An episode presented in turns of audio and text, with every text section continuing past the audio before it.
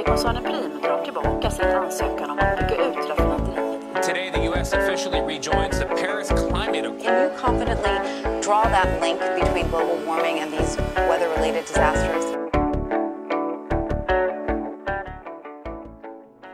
Det här är ett eh, nytt avsnitt av Planet och politik med mig, Lorentz Tovatt. Vad kul att du lyssnar. Den som har varit eh, noggrann har märkt att vignetten till podden faktiskt har gjorts om lite. Och det, bakgrunden till det är att det har skett en rolig nyhet och det är just att Parisavtalet numera har USA i sig igen. Eh, eftersom Trump är borta och eh, Biden är tillbaka. Så vi har liksom ändrat lite där. Nåväl, eh, det här avsnittet spinner vidare på det som jag har gjort tidigare, eh, nämligen haft lite ideologitema i vissa avsnitt. Eh, och återigen så har vi favorit i repris, det är Klara Lidman som är med. Eh, hon är skribent på Liberal Debatt och har ju en, ja men eh, hon är medlem i Miljöpartiet och, och har en bakgrund inom eh, Grön Ungdom och har suttit i förbundsstyrelsen där tillsammans med mig. Det blir lite smått och gott om allt möjligt det här avsnittet tror jag. Det kommer bli spännande. Vi kör igång.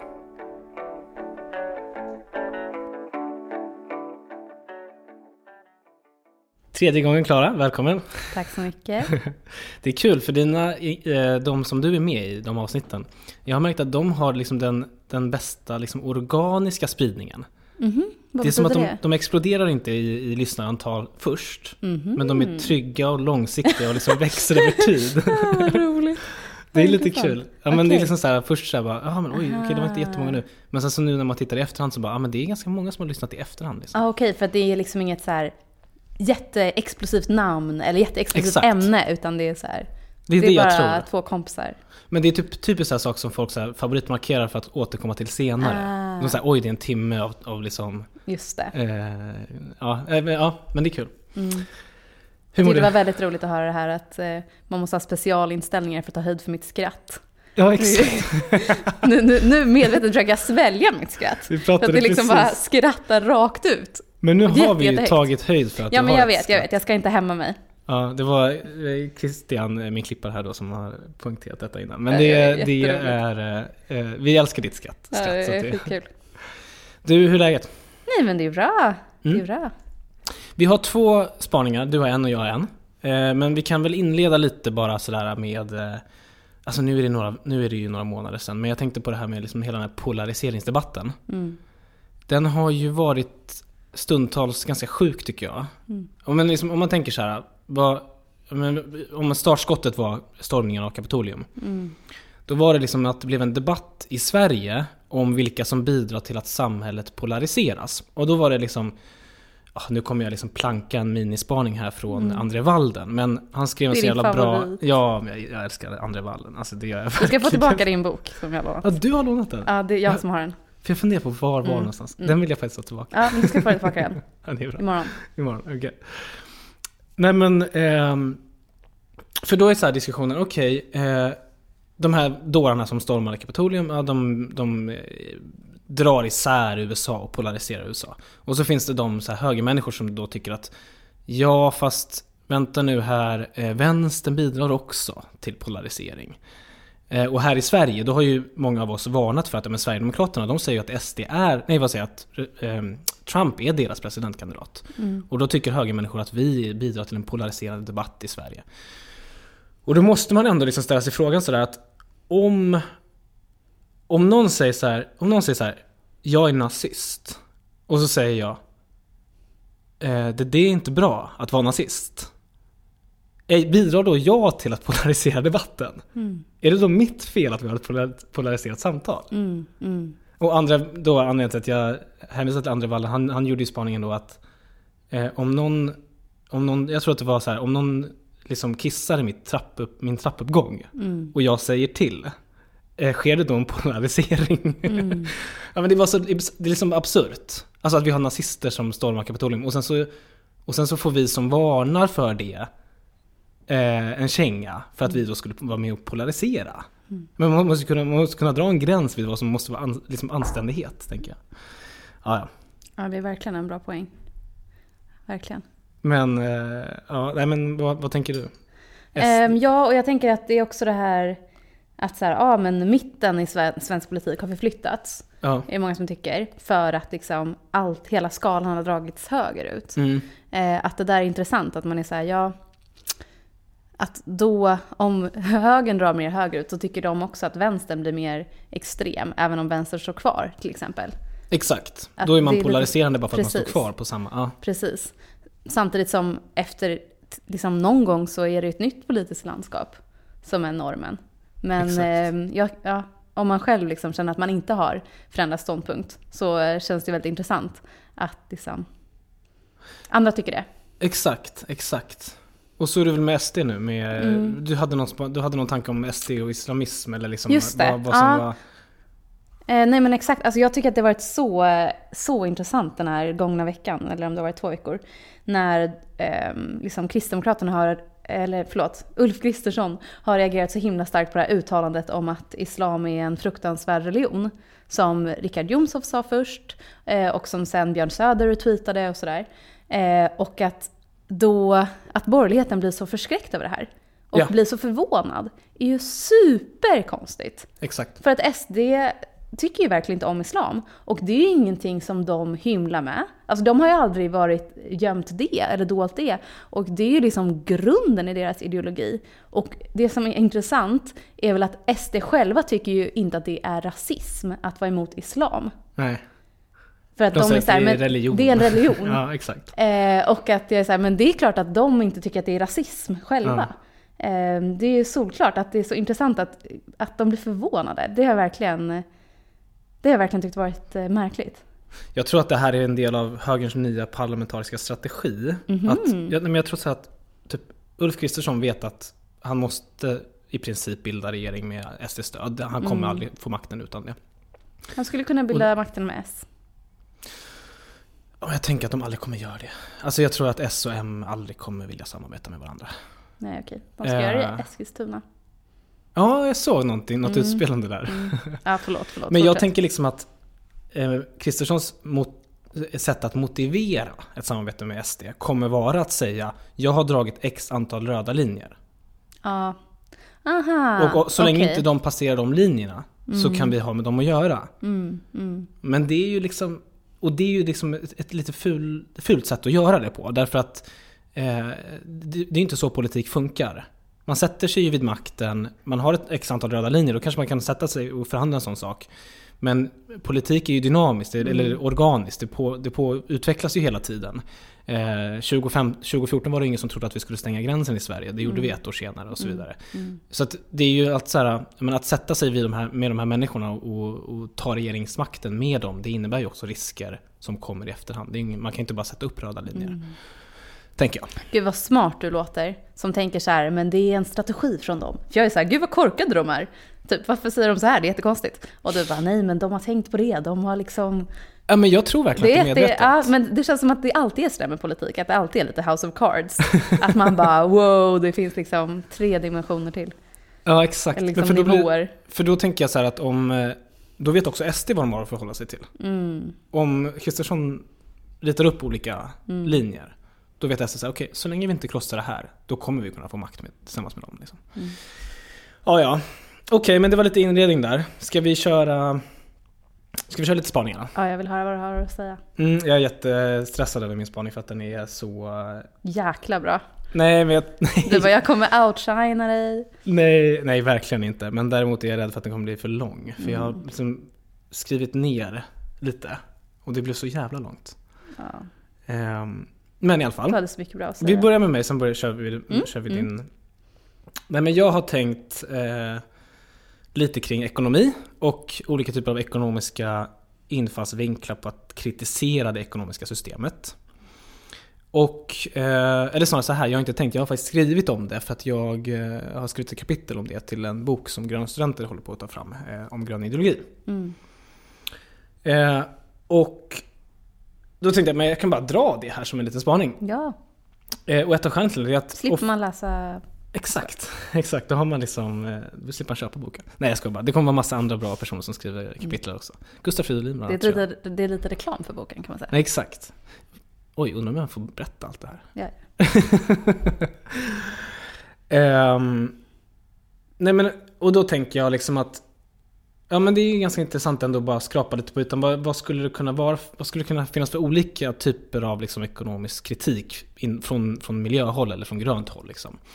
Det finns ju kanske en som är ganska etablerad och det är väl den här liksom djupgröna tillväxtkritiken. Eh, och den har ju liksom Den har ju funnits med oss länge. Alltså sedan 50-60-talet tänker jag. Mm. Och den har ju liksom aldrig riktigt kanske lyckats etablera sig som mainstream på något sätt inom politiken. Utan den har, liksom, den har alltid fallit utanför eh, åsiktskorridoren, kan man väl säga. Mm. Eh, men, om vi säger då att Miljöpartiet kanske är det parti som har varit närmst att ha den approachen. Så inte ens Miljöpartiet går ju hela vägen och säger att vi ska ha nedväxt eller liknande. Och när MP har gjort sådana liksom fattat sådana beslut på stämmor och sånt, då har ju det blivit väldigt, väldigt ifrågasatt. Alltså det har, blivit, det har verkligen varit politisk dynamit. Exakt, precis. Så det, det, det kommer liksom med en... Så fort man trampar utanför den här mainstream-korridoren då, så, så kommer det med ett eh, straff helt enkelt. Um, men i alla fall, så det som har kommit tycker jag då senaste åren, det är väl en del andra tankar också. Uh, jag återkommer till det här djup, uh, djupekologin, den här djupa kritiken. Men det har kommit åtminstone typ, skulle jag säga, två nya idéströmningar. Som man kan säga är liksom lite mer gammal, gamla tankar men är ny, nystöpta utifrån att gamla idérörelser har upptäckt klimathotet, om man säger. Mm. Um, så jag tänkte jag ska gå igenom de här tre liksom. Uh, återkommer till djupekologi och sen så de här andra två då. Men jag tänkte bara först inleda med lite sådär bakgrund kring eh, ekonomin och eh, först så här, ja men var, varför har vi ens ekonomisk kritik eh, från ett miljöhåll liksom, eller från ett grönt håll? Eh, och, och det är ju för att ekonomin har varit så otroligt sammanlänkad med eh, miljöförstöring. Och det är väldigt, väldigt, väldigt tydligt ur ett historiskt perspektiv. Så om vi tar de senaste 50 åren då som exempel så kan man säga att det är väl de 50 åren där liksom man kan säga att handeln har ökat explosionsartat. Eh, fler och fler har kunnat konsumera. Eh, och vi har ökat jordens befolkning med 4 miljarder på 50 år. Så det har ju hänt, alltså den ekonomiska aktiviteten i världen har ju, har ju verkligen, verkligen ökat eh, under de här 50 åren. Och då lite statistik liksom från, eh, om man tittar på miljöaspekter då. Under de här 50 åren då så har eh, 70% av ryggradsdjuren eh, försvunnit eh, från planeten. Gud, alltså det, det gör en så ledsen. Nej men det är så Alltså det gör en så sjukt. ledsen att höra sådana saker. Ja, det är verkligen fruktansvärt. Eh, så liksom... Och det här har ju liksom kommit som en följd av att vi ja, men, exploaterar skogar, våtmarker, savanner, gräsmattor. Och för varje liksom eh, kvadratmeter så tryng, tränger vi undan helt enkelt eh, eh, det naturliga livet. Nej, det är så sorgligt. du blir alldeles tagen här. Ja. Är jag verkligen en så bra berättare? Nej men man vill inte läsa sådana saker. Alltså så fort det kommer sådana nyheter om att ja. djurarter dör ut, då blir jag så här, ja. jag får panik verkligen. Ja. Och det tänker jag att väldigt många får. Alltså det första vi lär oss, det är typ namnen på olika djur, vi åker till zoo. Alltså, jag tänker att människor ibland, ja, mm. tyvärr lite för ofta, typ, tycker mer om djur än andra människor som de mm. inte känner. Ja. ja, men och det, jag tror inte att folk, eller det är inte många som vet det här liksom. Mm. Alltså det har ju skett en extrem utrotning. Alltså mm. det har verkligen varit, det har, bland annat pratade jag om det i avsnittet med Rebecca Lemoine. Mm. Eh, som man kan mm. söka på sen. Och under de här 50 åren då så har också växthusgasutsläppen ökat med 90%. Mm. Eh, trots då att vi har varit medvetna i, i princip medvetna om klimatförändringarna eh, under de här 50 åren. Vi har, medvetenheten har ju ökat de senaste 30 åren då, men vi har ändå varit medvetna de senaste 50 åren. Eh, så då kan man ju säga så att vissa länder har ju lyckats då, man pratar om det här med frikoppling, alltså koppla ifrån miljöförstöring eller klimatförändringar eller klimatpåverkande mm, utsläpp mm. Eh, från ekonomin. Och det har väl kanske vissa länder lyckats med på den nationella nivån. Mm. Men om man tittar på global nivå så finns det råder liksom ingen som helst tvivel om hur sammankopplad ekonomisk aktivitet är med miljöförstöring. Mm. Det går liksom inte att ifrågasätta den, den eh, kausaliteten. Men Lorentz, jag kommer ihåg att du för några år sedan pratade väldigt mycket om så här hållbar ekonomi. Och typ att man ska eh, konsumera tjänster istället för varor. Så här, tjänsteekonomi, att man ska lägga pengar på upplevelser, typ gå på bio eller på restaurang, att man ska laga saker och sånt. Mm. Tror du på det själv, liksom, att det går att eh, rikta, utan att förändra det ekonomiska systemet, rikta om vad det är folk konsumerar? Eh, oh, vad bra fråga. Alltså, jag tror väl på det. Jag tror väl att det finns... Jag tror jag kommer komma tillbaka lite till det där. Ja, men, jag, ja. men, liksom jag tror att, men ändå för att svara så tror jag att det finns... Rent teoretiskt skulle det vara möjligt att liksom Mm. fokusera om konsumtionen. Eh, ehm, och ehm, ja, men liksom att... Ja, till exempel, man, vi har ju, i, i teorin har vi ju oändligt med energi på planeten Mm. eftersom vi har oändligt med sol och vind. Liksom. Så att det, i teorin, ja. Men jag kommer också, men jag kommer faktiskt komma ganska snart till vad det stora problemet med det där också är. Mm. Och det är det som jag, ja, det är precis, det är faktiskt min nästa punkt här som jag skulle Ja. gå igenom. Och det är just, jag brukar tjata om detta fast jag brukar bara nämna det i förbigående och det är rekyleffekten. Eh, och då är det så här, först och främst, vilk, om man tänker så här, eh, allmänt liberala ekonomer, de tänker så här att eh, deras kritik mot grön ekonomisk kritik är ju så att, men vadå, det sker ju en effektivisering av ekonomin Mm. Hela tiden. Och det mest klassiska exemplet är att de tar en mobiltelefon och så visar de upp den och så säger de så här. I den här mobiltelefonen finns, finns alla funktioner som tidigare har ingått i högtalare, eh, grammofonspelare, kamera, eh, fast telefon och så räknar de upp alla funktioner som ingår i den här och så pekar de på att det har skett en effektivisering. Alla de här prylarna ingår i samma, eh, i samma lilla eh, liksom mackapär. Mm. Kompass. Ja, ja men exakt. Ja, exakt. Det är seglar-Klara som kommer fram. men... eh, Eniro på sjön. Och det där säger ju de här ekonomerna då utan att samtidigt också konstatera att vi konsumerar ju fler mobiler. Mm. Så att det, det, det, Mm, mm. det, det säger de inte i samma mening. Men problemet då. Eh, ja, så då kan man tänka sig om det sker en effektivisering Mm. av ekonomin för att man vill minska på resurser. Resurser kostar i ekonomin. Så att man vill minska på andra, Mm. liksom mängden resurser. Men det som då är det stora problemet här, det är det som kallas för rekyleffekten. Eh, och jag, menar, jag pratade om det här innan en del, men bakgrunden till den här, eh, det var, den upptäcktes redan 1865. Den kallas också för Jevons paradox. Och det var William Stanley Jevon som, som eh, upptäckte den här.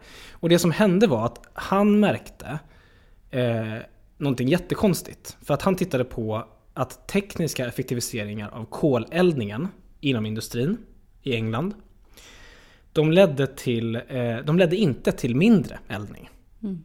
Så man effektiviserade koleldningen. Det ledde inte till att det blev mindre eldning. Tvärtom, det ledde till att det blev mer eldning.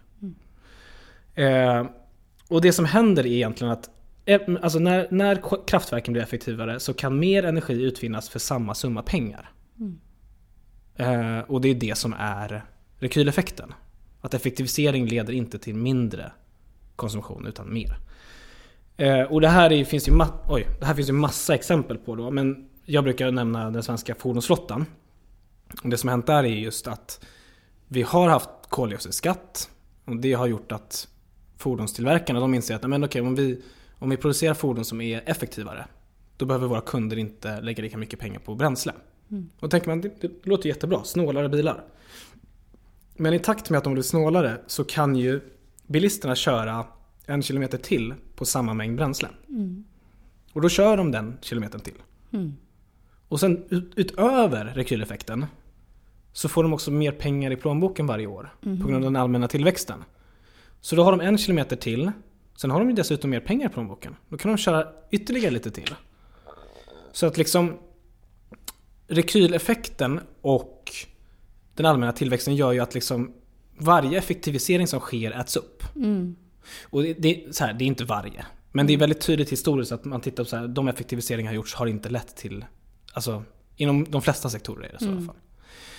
Och samma fenomen finns på det personliga planet. Så att det är inte bara de rent tekniska landvinningarna utan om du, om du bestämmer dig för att bli vegan så då har du tidigare ätit eh, entrecote till exempel. Och den kostar ganska mycket. Och sen så går du över till linsgryta som är billigare. Då har du mer pengar i plånboken, eller hur? Mm. Du har gjort en effektivisering eh, kan man säga av ditt, ditt näringsintag. Eh, och då har du mer pengar i plånboken, vad gör du med de pengarna? Det är ju det centrala för, klim- för klimatet. Så då, om du då unnar dig en, en Thailandsresa, då, är ju, då har du ju inte vunnit någonting för klimatet. Liksom. Så det där är liksom eh, Rekyleffekten kombinerat med den allmänna tillväxten gör ju liksom att så här, det är väldigt svårt att inom det befintliga systemet eh, få till stora förändringar som får konsekvenser för mindre utsläpp och liknande. Så om du inför miljöskatt till exempel kanon, då kommer du se att utsläppen minskar de första åren. Men sen kommer teknikerna justera sig själv så att den blir effektivare. Och då kommer du, om du har kvar samma nivå på miljöskatten, så kommer det i slutändan eh, leda till att det sen börjar öka igen. Mm du med på hela? Mm. Ja, men och är det inte därför man har liksom att det ska bli mer och mer, jag har för mig med den här klimatlagen, att det finns någon inbyggd mekanism med den, att kraven ska höjas för varje år. ja, Eller skatterna ty. ska höjas eller något sånt där. Ja, för, eller vi drev ju igenom, Miljöpartiet drev ju igenom att miljöskatterna skulle indexeras. Och då skulle de Okej, liksom är följa kanske. den Ja. allmänna tillväxten. Då skulle de liksom räknas upp varje år. Liksom. Mm, ja, men det är det, jag- det jag Ja. tänkte på. Och det ja. där har ju pausats på grund av att Jaha, det, vadå, det Centerpartiet, blev Liberalerna och sossarna, nej men de är ju så himla skraja. Så de vågar Aha. inte hålla på med miljöskatter. Nej, okej. Jaha, det jag trodde verkligen att det, att det blev så. Nej, okej, det var ju tråkigt. Mm, men det, det har varit så i fyra år, men nu är det liksom, ja, Mm, okej. de första tre, fyra åren så hade vi så. Liksom. Mhm. Okej, men så det här är liksom grundproblemet. Men visst, man, nu när jag har gått igenom det här, det är ju greppbart, eller hur? Det är inte, Absolut. Jag tänker också för, för lyssnarna. Ja. ja. Men det är liksom ett fundamentalt, en funda- fundamental utmaning för det ekonomiska systemet. Om det handlar om att liksom vi ska bli av med Oavsett om det är fossila utsläpp eller om det liksom är miljöutsläpp eller liksom vad det kan vara så, så, så skapas det liksom ett problem i det här. Nåväl. Men om vi går tillbaka till mina tre kritik, eh, liksom, vad ska man säga, tre eh, infallsvinklar på kritik då. Så börjar vi med den som är kanske mest, eller minst kritisk till det nuvarande systemet. Eh, och det är ekomodernisterna. Ehm, och det här är väl, om jag har förstått, jag har, nu har inte jag gått till botten med deras historia, men det, min uppfattning är att det är en ganska modern rörelse, eller ganska ny med rörelse. Och eh, man kan väl sammanfatta det som att de eh, Ja, men de står ganska, rent ideologiskt står de väldigt långt ifrån den här djupekologiska synen. Och med det menar jag att de har en natursyn som innebär att eh, människan, de förkastar själva, själva idén att människan ska, ska vara i, i harmon- harmoni med naturen. För dem är inte det viktigt. De är så här, men människan och naturen kan vara åtskilda. Vi behöver inte ha någon harmoni mellan dem. Ehm, och de säger liksom att eh, det är just för att vi är beroende av vår natur som vi utsätter den för fara. Så de vill liksom frikoppla oss från naturen kan man säga. Det här är liksom lite min tolkning av det också. men, men de är väldigt antropocentriska. Så de sätter människan i centrum. Men så vill de ändå skydda naturen från människan. Men, men det är liksom, om man tänker sig den här djupekologiska modellen, den är ju mer att liksom man, man sätter människan jämte naturen. Eller att vi är i ett, i ett kretslopp gemensamt. Liksom, eh, och vi står på samma nivå som djur och natur och så vidare. Eh, och här är det inte så, utan här, eh, och det här får konsekvenser för till exempel till, ehm, vad heter det? risk... Vad fan är försiktighetsprincipen? Försiktighetsprincipen. Att till exempel djupekologer säger så här, men vi måste alltid tänka liksom tusen gånger innan vi vågar mixa med naturen.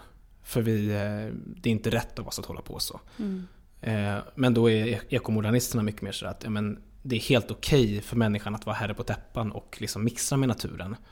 Så länge vi inte sabbar, sabbar liksom för mycket. Men vi kan absolut... Ja. Så hela deras idé är att urbanisera så mycket som möjligt. De är helt okej med tillväxt. Liksom. Eh, men, och det som då är deras, liksom, vad ska man säga, viktigaste ekonomiska ingång är väl att liksom alltid stimulera ny teknik. Så det är en sån helt central del. Och där är tillväxt jätteokej för dem. Liksom. De har inga problem med det. Tvärtom, tillväxt kan liksom gynna demografin, den kan gynna mänsklig blomstring och, och sådär. Men det här med tekniken är just det här, men, ja, men då är det, de är helt okej med GMO. Eh, kärnkraft, inga problem alls. Just det, okej. Ja, jag Ehm, fattar. Det är den typen av liksom. Mm.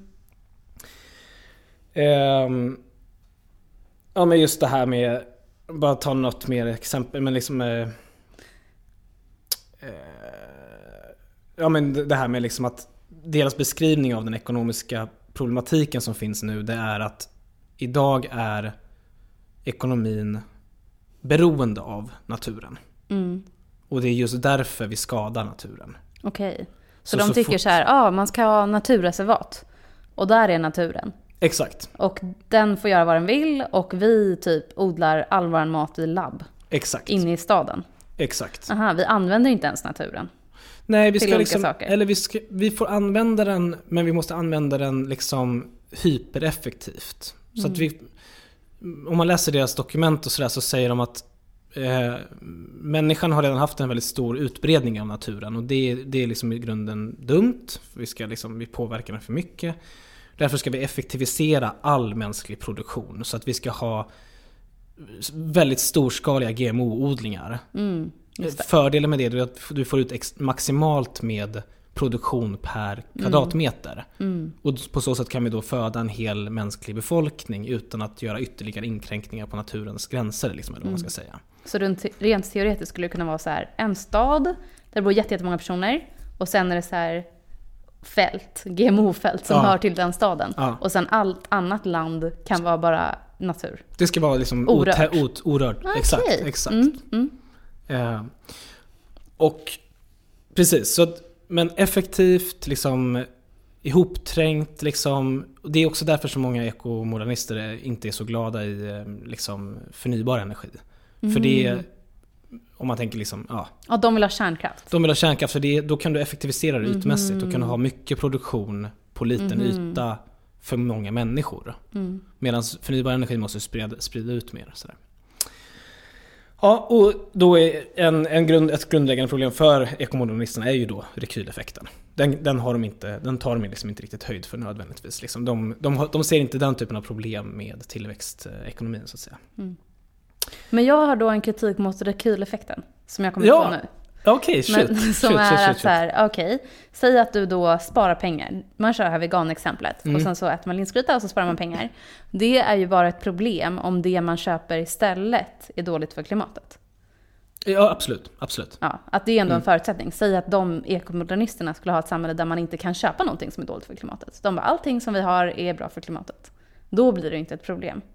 Nej, det blir inte... Det blir inte Det är ju lite teoretiskt kanske. Ja, exakt. Ehm, och det...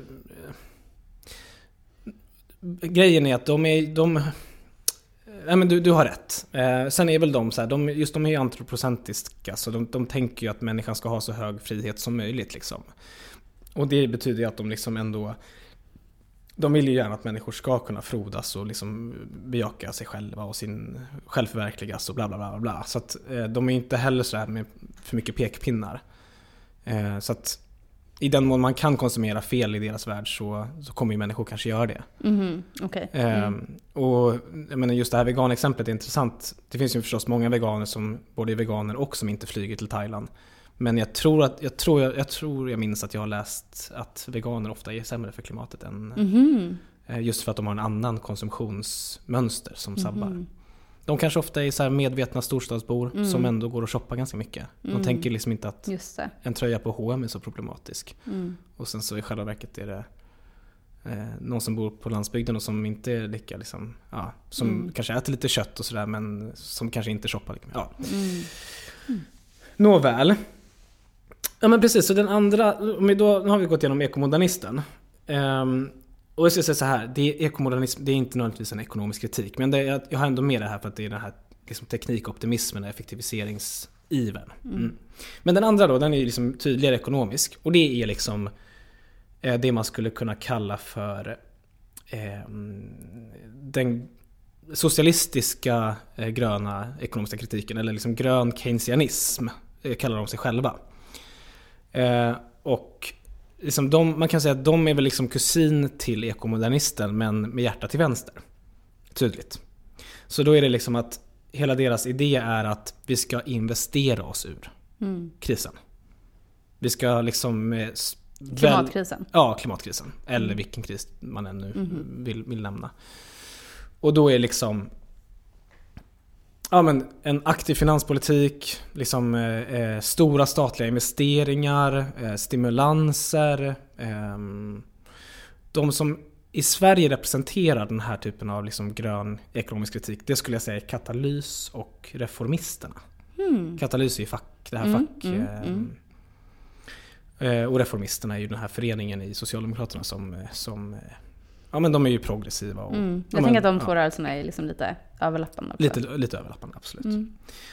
Ehm, ja men det är det här med att genom att stimulera ekonomin så ska liksom industrin, industri, infrastruktur och sysselsättningspolitik bindas ihop till ett grönt superprojekt. Mm. Och här är då samhällsgemenskap väldigt central.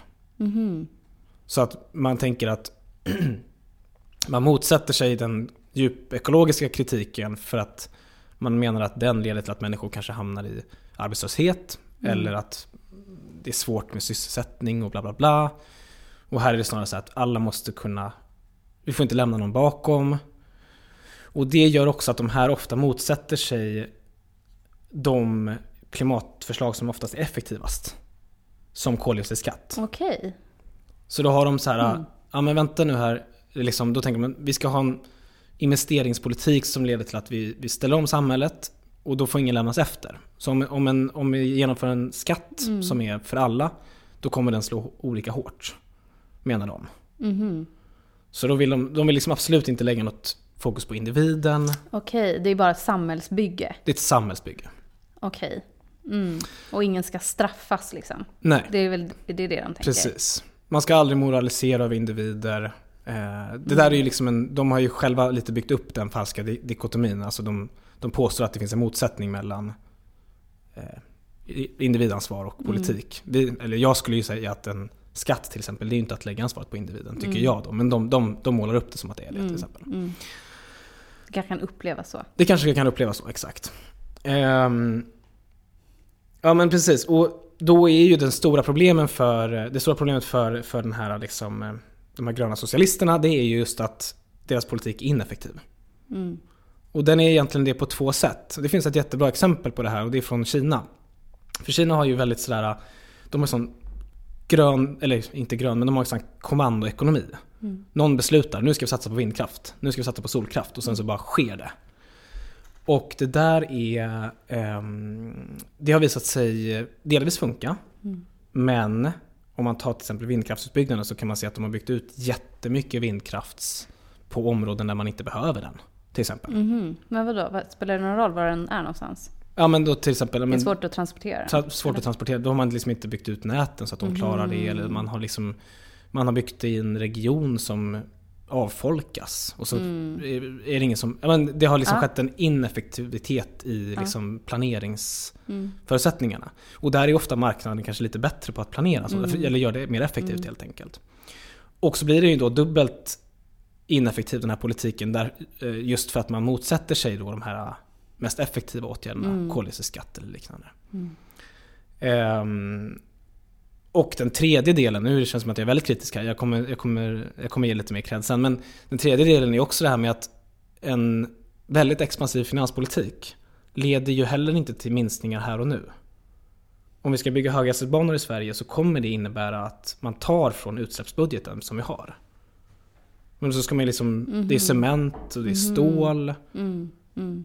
Och det må vara, det, det kanske man kan köpa i vissa fall, men om man tänker så i varje sektor. Mm. Att vi ska bara investera, investera, investera. Då kommer vi... Man släpper ut jättemycket. Då släpper man ut ganska mycket i en inledande fas. Och sen så när det väl är färdigt, då kanske man kan minska. Mm. Men ja, klimatet behöver ju verkligen att vi minskar nu. Ja, det känns inte... Nej, mm, jag fattar vad Mm. du menar. Det känns inte jätte bra nu liksom. Nej, precis. Alltså om man bara ska gå på effektivitet. Mm. Vilket man kanske inte alltid ska göra, men då är Men du pratar inte om effektivitet, ekonomisk effektivitet någonting? Nej men jag menar liksom... eh, Utan du pratar mer om miljönytta? Eller? Ja men... Fast i och för sig lite mer den första kanske. Att man byggde onödiga vindkraftsparker. Ja men liksom det är lite... Det är lite... eh, men det är liksom lite allt möjligt av det. Alltså, dels är det en ekonomisk effektivitet i form av att Man om man, har, om man bara har en koldioxidskatt rakt av, Mm. då kommer marknaden lösa det mest effektiva. Mm, mm, Det är en förenklad bild. mm. Men det är ändå så här.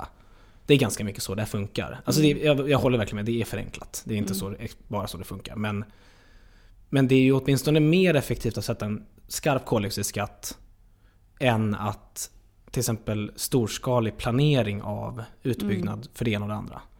Och där är Kina-exemplet relevant. Liksom, jag. Mm, mm. Okej, ja men så... Eh, Okej, jag får nästan skynda mig på lite.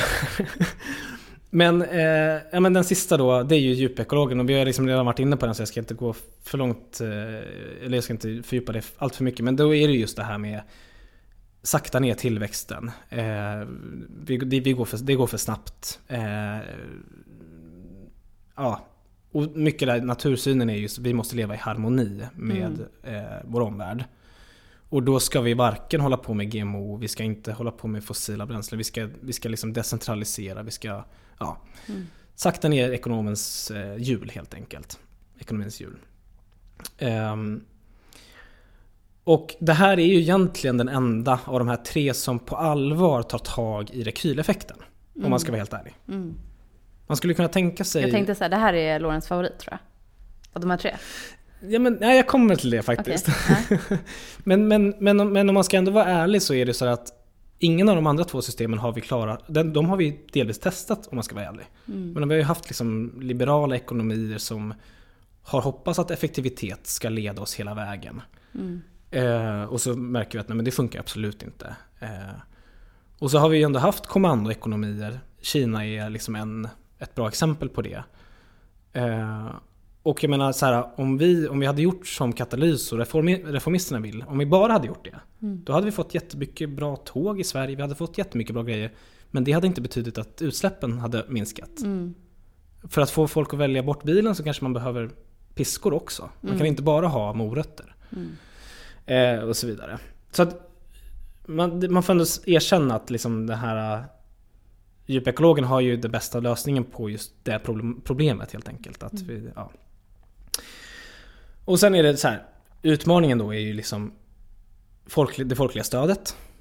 Eh, Det finns inget folkligt stöd riktigt kan man säga för en renodlad sån linje. Eh, Och det är dessutom lite oklart vilka typer av styrmedel man ska använda.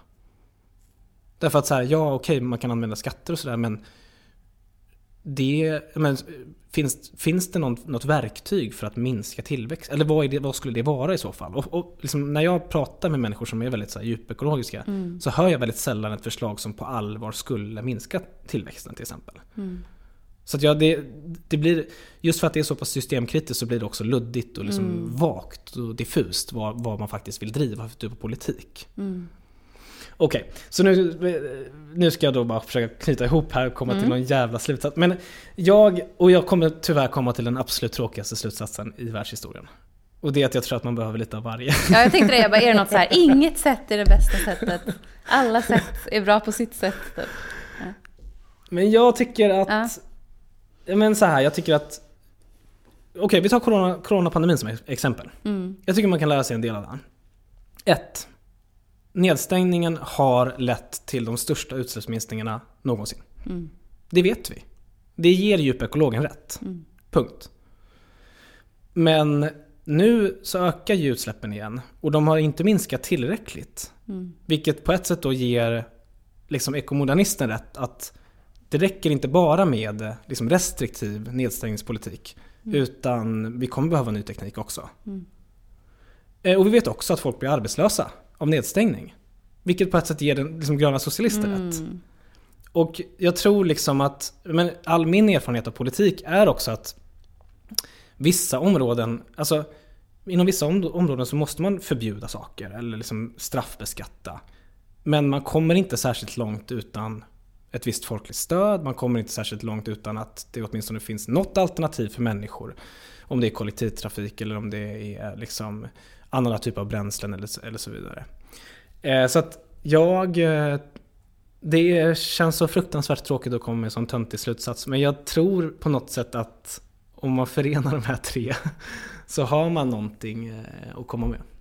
När det gäller Men och det är väl kanske Miljöpartiets klimatpolitik också? Jag vill hoppa, Alltså det är ju hoppas lite det. liksom gröna investeringar men det är också lite skatter och Mm. Mm. Men jag, jag, jag, har ett lite exempel. mod, liksom investeringar i, i ny teknik också. Liksom. Ja. Men jag har ett exempel och det är just transportsektorn. Jag, jag jobbar ju mycket med den så det är därför jag alltid tar det som exempel. Men ja, men jag har redan pratat om rekyleffekten där, men en annan sån konsekvens av ekonomisk tillväxt till exempel, det är ju just att om vi straffskattar bort det fossila, då dyker det upp andra alternativ som människor är villiga att betala för. Så då är det så här, ja men okej, då, Mm. Då dyker biobränslen upp. Det kan man säga mycket om. Men man kan också, ja men delar av dem är ju palmolja till exempel. Och det ska man ju inte ha heller. Mm. Jaha okej, så då funkar det inte riktigt det heller. Och sen så dyker elbilar upp. Men även de har ju en jättestor påverkan i form av konfliktmineraler och så vidare.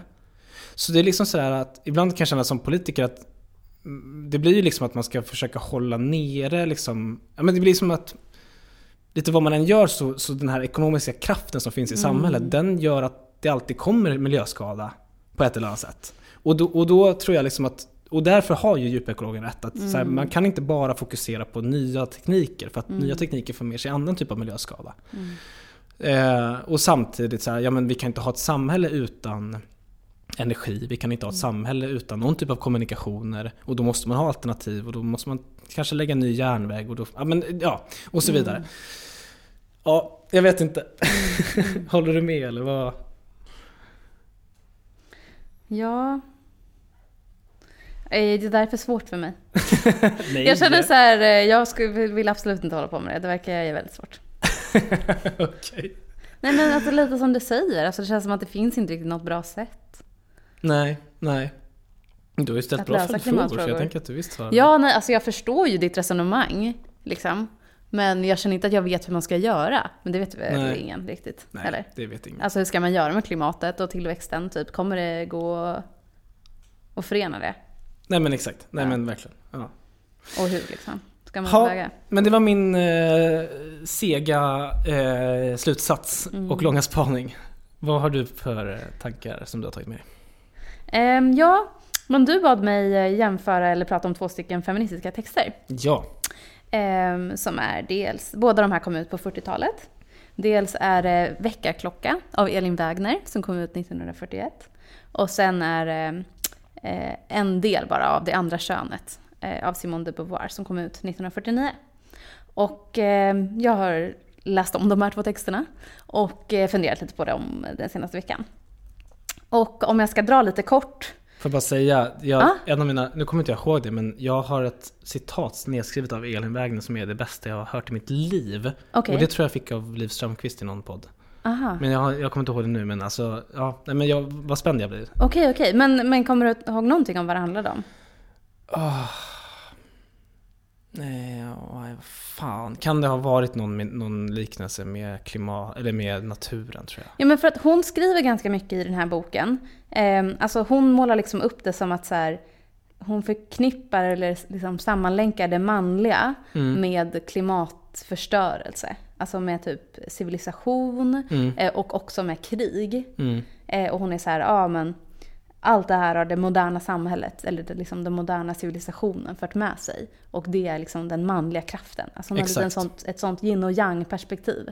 Eh, och att liksom som kontrast mot det så är liksom den kvinnliga rörelsen som hon tycker då är liksom för naturen, fredsrörelsen och sådär. Det kanske har med det att göra. Ja men det var nog säkert det. Hon är men eh, precis, och hon är, så hon är ju väldigt tydlig sån här ekofeminist. Exakt, liksom. en Av exakt. de, hon var väl först kanske då till, till och med, eller jag vet inte om man... Ja, det låter mycket troligt.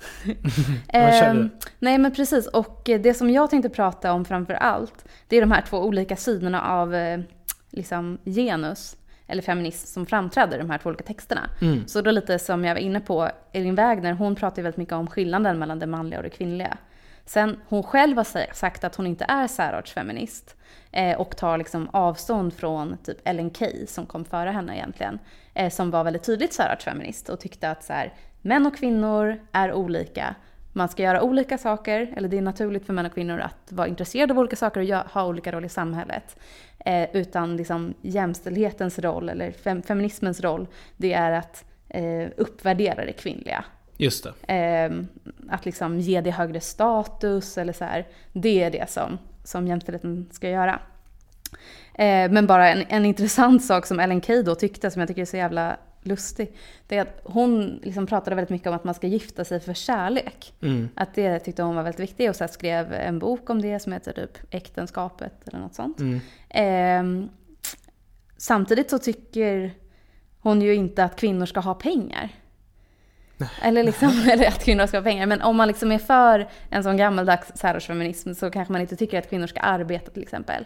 eh, På den vanliga arbetsmarknaden. Och då blir man ju otroligt låst i Verkligen. äktenskapet. Att det liksom är lite svårt att sammanföra de viljorna av att kvinnor ska ha frihet. Så måste ju kvinnor också ha pengar. Mm. Eh, och ja, men det är lite det som eh, Virginia Woolf skrev i den här boken A Room of One's Own. Då skrev hon att så här, eh, ja, men en kvinna måste ha ett eget rum för att skriva eh, och typ tänka. Och det hon menade med det var lite så här, ja men kvinnor behöver, liksom för att hon ska kunna göra det så behöver kvinnor ha egna pengar. Det var egentligen det som den boken handlade om, att hon tycker att kvinnor ska ha pengar. Eh, Ja, okej. Och då Simone de Beauvoirs bok, om man säger ändå att Elin Wägner och Ellen Key och så är den här särartsfeministiska idén att det finns liksom skillnader mellan män och kvinnor och de ja, ska ha olika roller i samhället, så skrev Simone de Beauvoir då eh, att kvinn, liksom, man föds inte till kvinna, det är något man blir, var hennes stora tes. Eh, och talade då mer för likartsfeminism. Att så här, män och kvinnor är i grunden lika eh, och sen så finns det olika saker i samhället som skapar skillnader mellan män och kvinnor. Okej. Och min, eh, jag är lite lik dig här faktiskt Lawrence. Min teori då är att båda de här har fel. Att ingen av de här synsätten är rätt. Okej. Eh, och jag tänker att så här, min egen feministiska bana eh, kanske började lite i eh, särartsfeminism. Att vara så här, tjejer är bättre än killar. Typ. och sen, Det tycker jag är det bästa tänk. Jag ska, jag, tycker du det? Okej. ja, jag har och blivit mer och mer. Ja, ja, skitsamma. Och sen så gick jag mer över till eh, likartsfeminism och typ queer-teori och så här, att så här, eh, Ja, men för att Simone de Beauvoir skriver också så här, det är ett jättestort problem när man gör åtskillnad mellan män och kvinnor. För så länge man gör det så kommer makt kunna fördelas olika mellan de här två grupperna, för man kommer se dem som två olika grupper. Och då jämförde hon med rassegregationen i USA och så sa man så här, ah, separate but equal. Att hon bara, så länge man säger separate så kommer det inte vara equal. Utan man måste ha samma för alla. Och så länge man fortsätter att dela upp de här två grupperna så kommer en grupp kunna ha mer makt än den andra. Framförallt när de har haft det historiskt och liksom, det finns ett arv också. Eh, och det tycker jag att hon har en intressant poäng i. Eh, men problemet är ju att det är svårt att inte göra skillnad på män och kvinnor. Alltså det är svårt att helt sudda ut den linjen. Ehm, så när jag var lite yngre feminism, då var jag väldigt mycket en queer-teoretiker. Som tyckte liksom att Judith Butler hade rätt och att så här, det, finns inga, det finns inga kön typ. Eh, men sen så kom det mycket det här, eh, något som faktiskt fick mig att ändra åsikt var mycket transfrågan. Mm. Att eh, olika transpersoner var så här, nej men det finns visst kön. Att någonting som jag tänker är väldigt utmärkande för någon som är en cis-person, alltså som har ett biologiskt och ett socialt kön som stämmer överens, det är att man tänker så här, men kön är väl inte så viktigt, spelar väl inte så stor roll. Men folk som inte har den upplevelsen eh, beskriver ju ofta att kön är otroligt viktigt. Just alltså det är liksom super, super viktigt och de mår ju jätte, jättedåligt eh, om de inte får uttrycka det kön de har. Så det verkar ju ändå så här finnas kön. Eh, och sen också, eh, ja men, eh, också en sexualitet, en sexualitetsfråga. Att liksom personer som, ja men till exempel definierar sig som homosexuella. Jag har en, en klasskompis som sa så här, ja men eh, det är klart att kön finns. För att jag är en kvinna och jag är attraherad av andra kvinnor. Och om man säger att kön inte finns, då ehm, hon bara, men, hon bara, men det gör det. Ja, hon Nej, bara, precis, men det ja. gör det. Det, Mm. det är inte samma sak. Mm. Och det tycker jag liksom på något så här ironiskt sätt har liksom väckt, eller liksom ifrågasatt den här queer-teorin hos mig. Mm. Och sen också en norsk dokumentär som heter Hjärnevask. Mhm. Eh, som kom för ganska länge sedan. Och den eh, liksom ifrågasätter egentligen svensk eh, genusteori. Eh, och ja, men, lite det här, så här tycker att Sverige är PK-Sverige. Ehm, och handlar om att så här, redan som foster och redan som små, små barn så finns det könsskillnader mellan eh, pojkar och flickor. Att så här, testosteron påverkar hjärnan redan under fostertiden Mm. och sådär. Ehm, och jag liksom också som läkarstudent tänker så här, nej men absolut, det finns eh, biologiska skillnader. Män och, män och kvinnors hjärnor ser olika ut, eh, vet vi. Och, så här, och sen finns det ett stort överlapp eh, med de som ser lika, alltså det är inte liksom helt två stycken helt olika kategorier. Men det finns ändå på det stora hela. Alltså en hjärnforskare, jag har i alla fall hört någon hjärnforskare säga så här, ja nej, om jag ser en hjärna så kan jag säga att det här är troligen en, en mans hjärna eller det här är troligen en kvinnas hjärna. För att de ser eh, olika ut på det stora hela.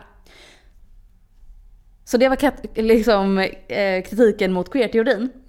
Men sen så kom ju också kritiken av särfeminismen.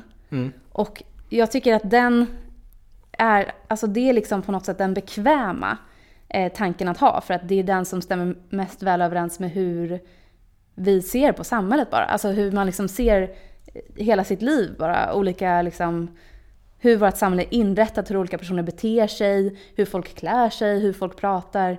Så är det ju hela, hela tiden den skillnaden mellan män och kvinnor. Då kanske det inte är så konstigt att säga så här, ja men det finns kön. Det finns skillnad mellan män och kvinnor.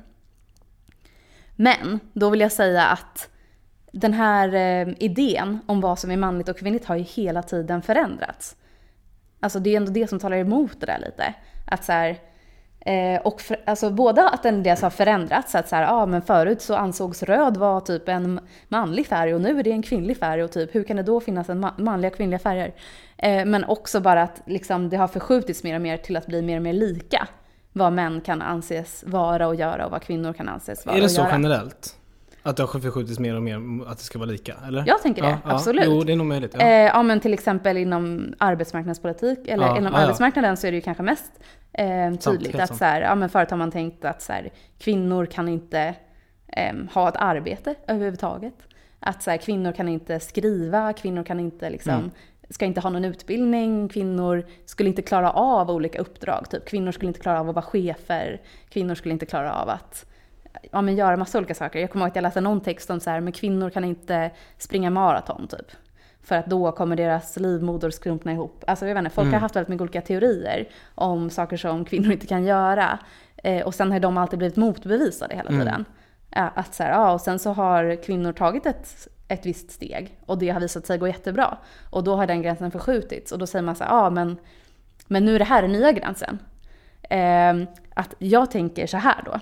Just behöver bara Mm. flika in också, men jag tänker ap- apropå det också det här med att eh, normerna förändras. Det är ju också Liv Ström, jag hänvisar alltid till Liv Strömquist. Ja. Men, det, men just eh, det som hon beskriver i eh, Rödaste rosen, mm. har slagit ut, vad heter det? Rödaste rosen? Ja. Slår ut, Slår tror jag. ut, ja. Men just det här med att, att förut var det ju män som skulle vara de här superromantikerna och liksom lidelsefulla liksom älskarna och så vidare. Och att det där har ju, har ju ändrats över tid till exempel. Mm. Ja, fortsätt, förlåt. Verkligen, alltså det har ju förändrats väldigt mycket vad som anses vara vad. Och man kan väl också säga att, ehm, att den manliga gränsen har förskjutits till många delar. Att så här, förut har man tänkt att män kan inte ta hand om barn överhuvudtaget, typ har inte den kapaciteten. Och sen har det visat sig Absolut. att de absolut kan göra det. Ehm, alltså att varje gång man har provat så har det liksom funkat ganska bra. Mm. Ehm, Okej, så att jag tänker helt enkelt att det finns troligen en skillnad. Men att den här skillnaden kommer uttryckt i vissa, vissa delar av samhället. Alltså till exempel våld väldigt mycket, eh, sexualitet väldigt mycket. Alltså, men att den överförs på massa delar av samhället där den inte har att göra, där det inte har någon betydelse. Ehm, så att särartsfeminismen har på något sätt rätt i grunden, men inte på särskilt många områden. Mm. Vad tänker du om det? Men min jag, spaning. nej men jag tycker, det, jag tycker det är helt rätt. Mm. Eh, men sen så tycker jag liksom att det som jag känner ofta missas i, eh, i den här diskussionen. För den här, jag, menar, jag tror att du och jag säkert pratade om det här tusen gånger under, under när vi var aktiva i Grön Ungdom. Men eh, det är ju liksom, man kan välja att diskutera vad som är, hur det är. Mm. Och sen så kan man ju välja att diskutera vilken approach bör man ha till det. Mm. För att liksom hantera eh, utmaningarna kring genus och, och, och kön. Eh, och då brukar jag alltid tänka ändå att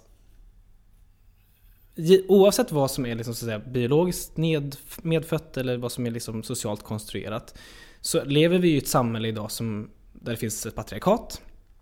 Eh, Och eh, i det samhället finns det liksom två normer. Och en norm värderas upp. Och det är den, det är liksom den man, manligt kodade normen. Eh, och den normen är ju liksom oavsett då om det är socialt eller biologiskt. Men du nämnde ju liksom våld och så att en del är ju säkert biologiskt. Det, eller det, det tror jag vi kan liksom, det, det kan man nog sluta sig till liksom. Men så är ju den normen problematisk. Alltså det kommer man ju inte ifrån. Och det har den ju också varit historiskt. Jag tänker, även om män tidigare skulle vara de här romantiska. Jag menar, Det är ju ändå så att män har startat krigen och det är ändå så att män har, har, liksom, eh, har våldtagit och liksom, eh, använt våld och, och, och så vidare. Och så vidare, och så vidare. Och det är väldigt tydligt, jag menar nu blir jag ekofemi- ekofeminist då, men det är också väldigt tydligt att män är de som påverkar naturen mest. Liksom. Och då har ju min, min kritik mot queer-teori har ju alltid varit att liksom liksom, okej, på, på, en, på en viss nivå så är det jätteintressant det här diskussionen om eh, finns ens kön liksom. Men uppenbarligen finns det i form av genus och det finns i, no- i form av normer. Och då måste man ju hantera det. Och om man då säger nej, det finns inte. Då blir det mycket svårare att hantera. Det, här, Precis. det kanske är en jättebanal spaning men jag, Nej! men Nej, jag tycker liksom att vi vet att den normen finns och att den är problematisk på massa sätt. Mm. Och då måste man kanske prata om de normerna och uppvärdera det som är Mm. Just den andra det. normen. Just det. Och det är ju liksom den radikalfeministiska approachen tänker jag. Ja, jag är mer Gud, gud, vad jag, gud vad jag bara håller på och- känner att jag bara har någon typ av litet seminarium där vi pratar om att låta smart på olika sätt ha pinsamt. Nej, nej, nej, men det, Eh. nej, nej, för att det är ändå Att intressant. sätta Jag- etiketter på det. Nej men exakt för att, och då, för att jag kommer ihåg att jag tänkte så här, ah, jag tycker egentligen att queer-teori är bäst, Mm. men att det är mest praktiskt att vara radikalfeminist, för att det Just kommer det. ha mest, mest politisk påverkan. Just det. Ja, okej. Ehm, mm. ja, ja, men, men- då gjorde du som jag. Exakt, Ja, att man är ja, såhär, ah, det här är egentligen eh, typ det intressantaste, men radikalfeminismen, då kan man åstadkomma politisk förändring. Ja. Alltså queer-teori är ganska, eh, ett ganska trubbigt politiskt instrument. Mm. Liksom. Ett- Eller det är inte så, man bara, kön finns inte. Man bara, jaha okej, men hur ska vi då hantera vår verklighet? Det Mm. är inte så applicerbart. Eh, men jag tror att nu så har jag då tyckt att queer-teori inte heller är så bra. Som jag tänkt att det. Så det är också en till dimension. även Ja, om- jag fattar. Ja. Ehm, ja, och sen vill jag då dra en koppling till nutiden. Mm, från, ja. liksom, från 40-talet till idag. Eh, för Ebba Busch var med i en, eh, en intervju i SvD i söndags. Och där så, eh, den hette typ “Liberalerna har ingen självklar plats i en borgerlig regering”. Just det. Eh, och hon kritiserade Liberalerna och eh, bland annat då en del av den här intervjun handlade om något som hon kallar för elitfeminism. Eh, och att hon kritiserar liberal feministisk politik och säger att den är snobbig. Och hon tar då som exempel på så här snobbig liberal feministisk politik, eh, pappamånader i föräldraförsäkringen Ja. och kvotering i bolagsstyrelser. Och sen ställer hon det som en kontrast mot sin egen fem- feministiska politik. Och de som, förslag som hon nämner där är förbättrade arbetsvillkor i vården, i äldreomsorgen och eh, ökande sjukskrivningstal bland kvinnor. Mm. Ehm, och jag tänkte då att hon liksom tar den här särarts mot likartsfeminismen Mhm. och ehm, gör den till en fråga om liksom eliten mot eh, eliten mot verklighetens folk. Mm, För jag tänker att den här liksom den här likartsfeminismen eller queer-teorin, den är väldigt teoretisk. Och också ganska flummig för många. Att man är så här, okej men verkligheten visar hela, hela tiden att eh, det finns kön och att kön är jätteviktigt och att kön påverkar oss jättemycket. Här kommer någon som säger att kön inte finns eller att vi ska förändra allting. Och det blir väldigt, det kanske kan kännas väldigt verklighetsfrånvänt eller teoretiskt eller snobbigt Exakt. Exakt. eh, att ha den liksom, åsikten. Eh, men, det som jag, men jag tänker att det inte alltid riktigt har varit så att när Simone de Beauvoir kom att hon var ju superhyllad i de breda lagren. Var hon det? Okej. Eller är det kanske Nej, jag har ingen aning. Jag, jag vet aldrig. Jag vet Men det inte. var jättestor uppslutning i alla fall kring Mm, henne. mm, eh, Ja men typ att hon skrev ett upprop eh, om typ abort och rätt till p-piller som blev liksom väldigt, väldigt brett. Jag, inte, jag har tänkt att det har varit en bredare rörelse, det kanske det aldrig har varit. Nej men jag tror att, man får också tänka vilken tid det har kommit i. Alltså jag tänker att det, den typen av liksom eh, vad ska man säga, påverkan som hon stod för eh, var väl säkert jättecentralt åtminstone för människors rätt att till exempel identifiera sig annorlunda än vad andra identifierar dem och så vidare. Alltså att det, det, det, det påverkar ju säkert jättemycket. Men sen så har vi hela samhällsaspekten det. och det är liksom rent, vad Det ska man kanske säga, inte materialist. ner Nej men ja, Nej. Eller så gör det det fast på, på ett individplan. Ah. Att så här, jag som kvinna kan nu välja att eh, inte identifiera mig på det här sättet. Utan Mm. jag kan minsann också vara det här och det här. Mm. Eh, men sen så på samhällsnivå eller på aggregerad nivå så är vi fortfarande fast i det här patriarkatet. Mm. Men ja, Men okej, Mm. om man säger så här, Simone de Beauvoir har ju vunnit väldigt mycket. Alltså hon säga. har ju vunnit mark Mm. mot Elin Wägner. ja det liksom. kan man säga. Mm. Alltså likartsfeminismen för att kvinnor har har fått en helt annan position i samhället än vad man hade då. Mm. Ehm, så det är liksom intressant, det är som att det är en motståndsrörelse hela tiden fast den förlorar också hela tiden. Mm. Alltså den här som tycker såhär, nej men det är naturligt. För ja, men till exempel vill Kristdemokraterna också att man ska få ett utökat barnbidrag på 6 000 kronor i månaden eh, för att ta hand om barn under tre år. Mhm. Så det är liksom som, ja, för att man ska kunna vara hemma med barn längre helt enkelt.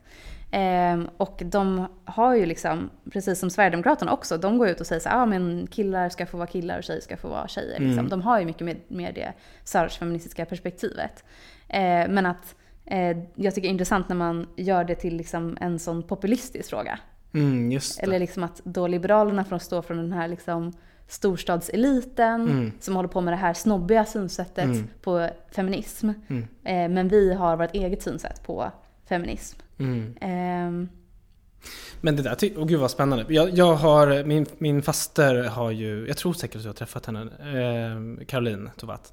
Hon har ju forskat en del på det här med, eh, med just lågstatus och högstatusyrken. mm, Och hon berättade en sån sjuk sak och det är att vi gör ju, man gör ju generellt en distinktion mellan höginkomstyrken och låginkomstyrken. mm, Och så gör man eh, distinktion, och ofta så korrelerar det att hög inkomst är också hög status. mm, Och låg inkomst är också låg status. Men om man tittar på lågstatusyrkena så är det vissa yrken inom lågstatusyrkena som har högre lön. mm, Och det är de manligt dominerande. mm, absolut. Ja, ja. Eh, ja.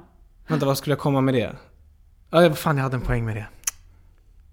Men... Man vill göra det eh, till en klassfråga typ? Eller, Jo, ja, jo just det, just det, för det var det jag tänkte koppla an till. Just att det. egentligen finns det ju så mycket som vänstern kan göra här igen. Alltså den Ah. breda vänstern. Att så här att, vadå, det är ju så här, det är kvinnor som sliter i välfärden som inte har de bästa, det är de som har sämst villkor. Mm, mm, Alltså det är ju bra politik. Och den är också så här Mm. på ett sätt då. För att man, man riktar det mot kvinnor så att säga. Ja, Eh, eller jag tycker så här att de här förslagen är jättebra förslag. Och det är jätteviktiga förslag. Ja. Att göra det bättre i äldreomsorgen och att liksom, ja, men förbättra kvinnors arbetsvillkor. Det är super, superviktigt. Mm. Och superbra. Mm. Men det jag tycker är intressant är hennes retorik kring det. Mm. Att ställa det i kontrast mot någon, någonting annat. Att säga Just så här, det. men det här är de här personerna som bara håller på med saker som är oviktiga och som tramsar runt med de här olika konstiga teorierna. Och vi är någonting, någonting annat. Att hon ändå liksom gör den distinktionen, att det är det som är intressant. Ehm, Ja just det, hon, hon liksom går, hon går ut och tar särartsfeministiska poäng liksom. mm, Och så gör hon det till som populistisk. Och jag tror det är ganska smart. Därför att jag tror, precis som du säger, att alla går ju omkring och, tänk, och ser ju kön och, Ja. och genus. Det är klart att man gör det. ja, Eller det gör man ja, ju liksom. Exakt, exakt. Så att... eh, jag, Så jag tror att det är så här, men hon ska inte få ta den. Hon ska inte få ta, vara så här, ja men det är vi som förespråkar riktiga kvinnor typ. Nej. Och deras intressen. Att det känns, eh, man vill liksom inte låta henne vinna det spelet. Och sen tänker jag också till exempel föräld- alltså pappamånaden i föräldraförsäkringen.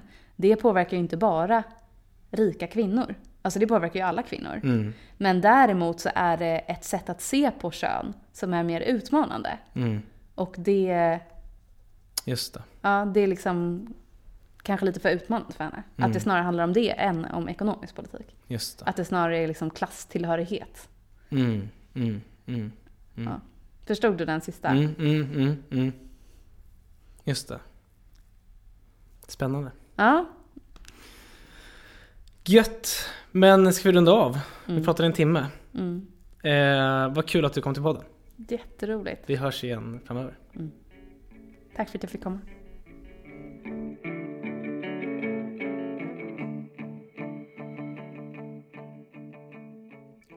Vad kul att du har lyssnat. Eh, jag vill passa på att tacka Christian Hanner som hjälpt mig med ljud, och klippning och vignett och sådär. Eh, och om ni vill nå mig så gör ni det enklast på eh, Twitter eller Instagram. Och vi hörs helt, igen, helt enkelt igen nästa vecka.